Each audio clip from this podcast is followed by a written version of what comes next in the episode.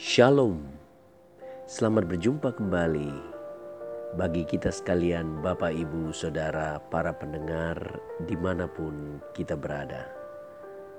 Saya percaya kita sekalian dalam perlindungan dan pemeliharaan Tuhan. Tuhan menyertai dan Tuhan melindungi kita. Pada saat ini, kita akan sama-sama mendengarkan firman Tuhan dengan judul "Datanglah padanya dan terimalah kelegaannya." Matius pasal 11 ayat 28 sampai 30 memberikan kita gambaran dan bunyi firman Tuhan yang luar biasa. Di situ dikatakan, "Marilah kepadaku semua yang letih lesu dan berbeban berat." aku akan memberikan kelegaan kepadamu. Pikullah kuk yang kupasang dan belajarlah padaku, karena aku lemah lembut dan rendah hati, dan jiwamu akan mendapat ketenangan. Sebab kuk yang kupasang itu enak dan bebanku pun ringan. Bapak Ibu, para pendengar sidang jemaat Allah di mana pun kita berada, Tuhan ingin kita datang kepadanya. Saat kita melakukannya, Ia berjanji akan memberikan kelegaan. Bukankah suatu janji yang indah? Ia tidak memberikan kita aturan-aturan yang harus diikuti atau persyaratan-persyaratan yang harus dipenuhi. Kelegaan itulah kerinduannya bagi kita. Ia ingin memberi kita kelegaan.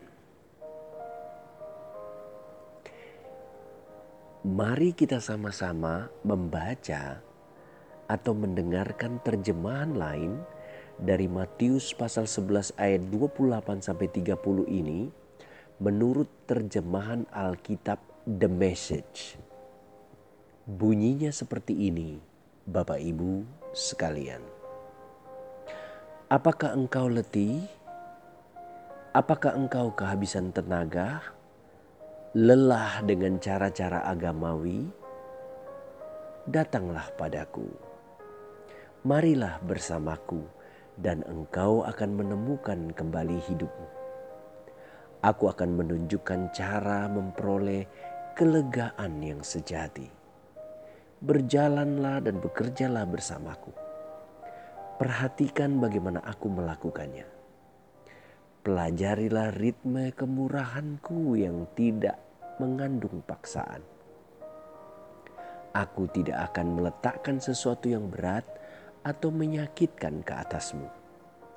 Tetaplah bersamaku dan engkau akan belajar hidup bebas dari tekanan. Begitulah terjemahan Alkitab Matius pasal 11 ayat 28 sampai 30 menurut The Message. Indah bukan? Kita seharusnya senang melihat cara Tuhan Yesus mengundang kita untuk mempelajari ritme kemurahannya yang tidak mengandung paksaan. Kita juga harus senang mengetahui bahwa Tuhan Yesus memiliki suatu ritme. Kemurahannya adalah ritme. Itulah sebabnya kita akan mendengarkan firman Tuhan ini dengan semangat yang baru. Kita tidak perlu terburu-buru, tergesa-gesa, terpaksa untuk sesuatu, meskipun mungkin kita ingin segera mencapainya. Tetapi ikutilah ritme kemurahannya. Itu akan membuat kita lebih tenang, lebih kuat, dan lebih sehat dari sebelumnya. Bandingkanlah kehidupan antara singa dan kura-kura. Mana yang lebih lama hidup? Tentu saja kura-kura. Mengapa demikian?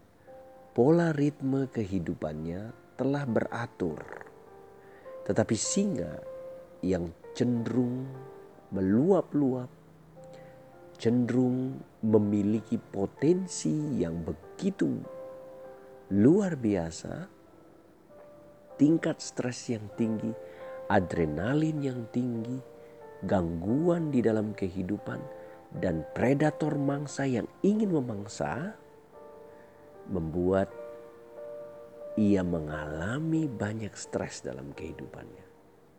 Berbeda sekali dengan kura-kura. Ia bisa hidup lebih lama dengan ritme yang teratur. Nah, untuk mendapatkan ritme yang teratur itu, datanglah kepada Tuhan. Kita tidak membutuhkan kualifikasi apa pun untuk dapat datang menerima undangannya. Siapa saja yang letih lesu dan berbeban berat, kita memenuhi kriteria itu. Jika kita kelelahan karena pekerjaan, karena tuntutan dan banyaknya kebutuhan, datanglah kepadanya. Biarkan dia memberi kita kelegaan. Mungkin kita melihat banyak hal sepertinya belum pasti dan keadaan di sekeliling kita sepertinya belum bisa menolong kita.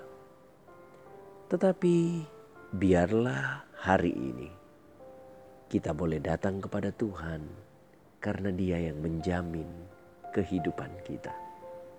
Bukankah 1 Petrus pasal 5 ayat 7 berkata, Serahkanlah hidupmu kepadanya, sebab ia yang memelihara kamu. Mengapa hidup harus diserahkan? Sebab Ia yang memelihara kita. Hari ini, datanglah padanya dan terimalah kelegaannya. Tuhan Yesus memberkati kita, Bapak Ibu Saudara sekalian.